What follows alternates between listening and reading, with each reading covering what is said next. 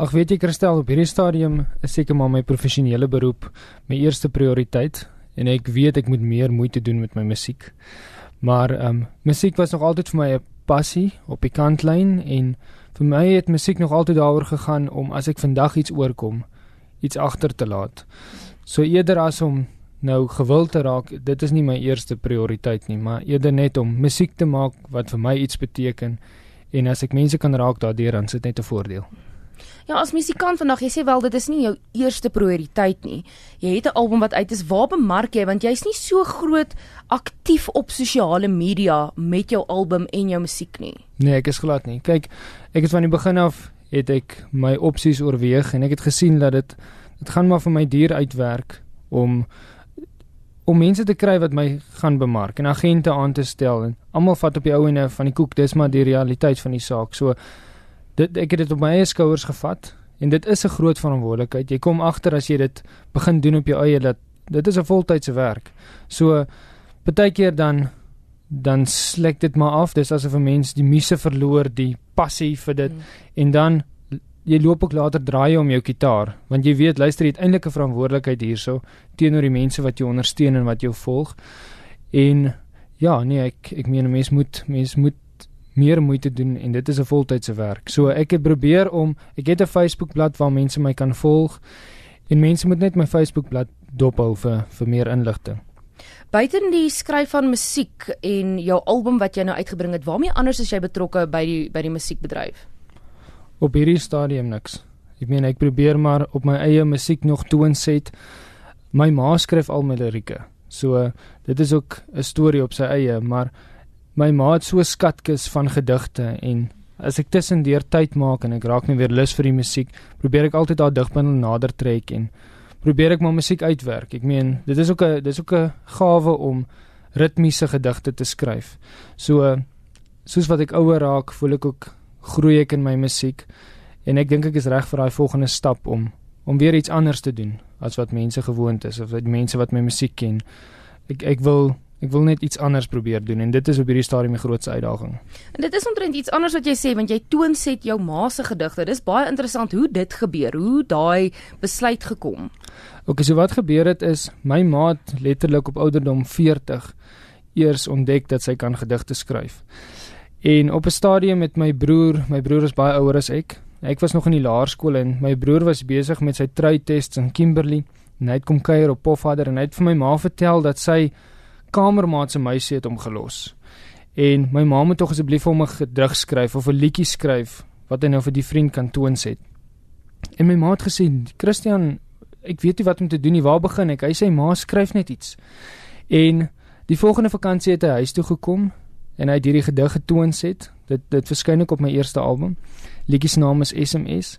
En ek dink daardie daardie passie ontwikkel want jy het toe gesien luister maar iemand in die familie kan toons het en Christian het nie daarna regtig weer musiek getoons het nie. So toe ek in die hoërskool kom toe sê ek vir my ma luister jy moet vir my gitaar koop. En sy en my pa het geglo dit gaan 'n wit olifant wees. En in 'n kwessie van 'n maand het ek geleer gitaar speel. 'n Vriend Andrew Ella, saam met wie ek op skool was, het my baie gehelp, maar toe ek weer begin gedigte toonset en ek ek dink in 'n kwessie van 2 jaar het ek amper iets soos 30 liedjies getoonset. So dit baie gou gegaan in die begin en baie maklik gegaan. Maar soos ek sê, dit is waar waar die uitdaging nou kom as kunstenaar om iets anders te doen. Want dit is nie maklik nie. Hmm. Nou het jy enige um insaag op die lirieke of op die gedigte wat jou ma skryf of sit jy met haar gedigte lees daardeur en besluit dan wat vir jou gaan werk wat musikaal gaan werk en wat um vir jou gaan werk om te toonset kyk ons op baie keer praat oor temas um ek ek probeer om oor gebeurtenisse te sing oor stories te sing sodat mense by dit kan aanklank vind so ek sing eintlik baie min oor die liefde, maar om terug te kom by jou vraag, ek en sy sal sit of ek sal deur haar digbundel blaai en dan sal ek sê hierdie gedig staan vandag vir my uit. Kom ons kyk hoe ons rondom dit kan werk en dit is 'n ding van jy moet belater woordskommeling doen en jy moet versies verander. So jy sal sit met sê 10 versies of 8 versies en dan dan vorm jy dit saam en kyk wat werk die beste en wat verstel die storie die beste. So baie keer sal ons net 'n gedig hê wat nou nie 'n koor het of nie 'n brug het en so nie en dan sal ek sê luister maar ons gaan hierdie ding meer vorm moet gee en dan werk ons saam daaraan. Maar regtig het so ongelooflike talent dat dit is altyd vir my 'n voorreg om te sien. Ek kry altyd hoendervleis met enigiets wat sy skryf want sy het net so 'n gawe met woorde. Ek het in Pofadder het ek het deur Unisa geswat en toe het ek daar by 'n firma gewerk, prokureursfirma van 'n Merwe Miller. En ek het net voor ek my artikel slaag gemaak het, het ek Kroonstad toe geskuif en ek het in Kroonstad my artikel slaag gemaak en by die Rand en Lou en daar het ek werk gekry in die Kaap en van daar af het ek Kaap toe geskuif na Maastet toe die maatskappy vir wie ek nou werk. Ek wil terugkom by jou album, um jou tweede album, Knapsak Stories. Jy's 'n onafhanklike kunstenaar. Uit en uit. Is dit sal jy moontlik by 'n platemaatskappy wil aansluit in die toekoms of werk dit vir jou om dit alles op jou eie te doen? Want dit is 'n duur storie. Dit is 'n baie duur storie. Maar weet jy, ek het ek het al met redelike kunstenaars gesels en dit is altyd vir my so interessant as ons nou op die ou ende die somme maak dat jy wat onafhanklik is en wat selfverspreiding doen en wat self alles reël op die einde tog geld maak. Verstaan? Eerder ek ek wil nie met platemaatskappye sleg praat nie en ek het nog nie die geleentheid gehad om met platemaatskappye te onderhandel nie. Maar op hierdie stadium werk dit vir my om onafhanklik te wees. Maar ek dink as jy regtig wil bekend raak, is platemaatskappye die perfekte platform. Hmm. Hoekom het jy 3 jaar gewag tussen jou jou eerste album en jou tweede album? Hierdie is jou tweede album, nee. Ja. Hoekom het jy 3 jaar gewag? 3 jaar is was eintlik nog vir my vinnig. maar wat gebeur het is ek het um, ek daar was so 'n kompetisie op Facebook wat geloods was deur Studio 25 waar hulle gesê het ja as jou vriende vir jou stem, dan kan jy dan kan jy 10 liedjies laat opneem en 'n musiekvideo wen. En dit was so ongelooflik. Ek het vir my mense op Facebook gevra stem vir my en in 'n kwessie van dae het hulle vir my gestem dat ek ewentueel dit gewen het. So dit is op daai stadium het ek nog nie genoeg liedjies gehad vir 'n tweede album nie. Maar weer eens as jy onder druk is, dan dan vloei dit net en dan kom dit net van iewers af en ek dink ek het van my beste musiek getoon het in daai kwessie van 2 maande voor ek weer studio toe moes gaan. Kom ons gesels 'n bietjie oor die album. Vertel ons van Knapsak stories, die die titel spesifiek en dan die tipe liedjies wat op hierdie album is want hy's in Oktober is hy vrygestel. Ja, kyk, Knapsak stories is is dis die titelsnit op die album. So dit gaan oor sê maar jy gaan die die, die spesifieke liedjie gaan oor my wat by 'n oom gaan sit wat 90 jaar oud is en om hom so ver te kry om sy lewensverhaal met my te deel. En dit is altyd so as jy 'n ou mens kry om vir jou te vertel sy stories dan hy bly net uitpak en bly net uitpak en hy raak so emosioneel oor dit alles en hoe jy eintlik net nie genoeg daarvan kan kry nie. So waar my eerste album die kuiergas was wat gemik was op mense moet my uitnooi om om 'n kuiergas in lys te wees, is knapsak stories uit en uit van ek het weer hierdie knapsak stories om met julle te deel en laat my toe om dit met julle te deel. Jy's 'n diep man. Ja, ek probeer wees.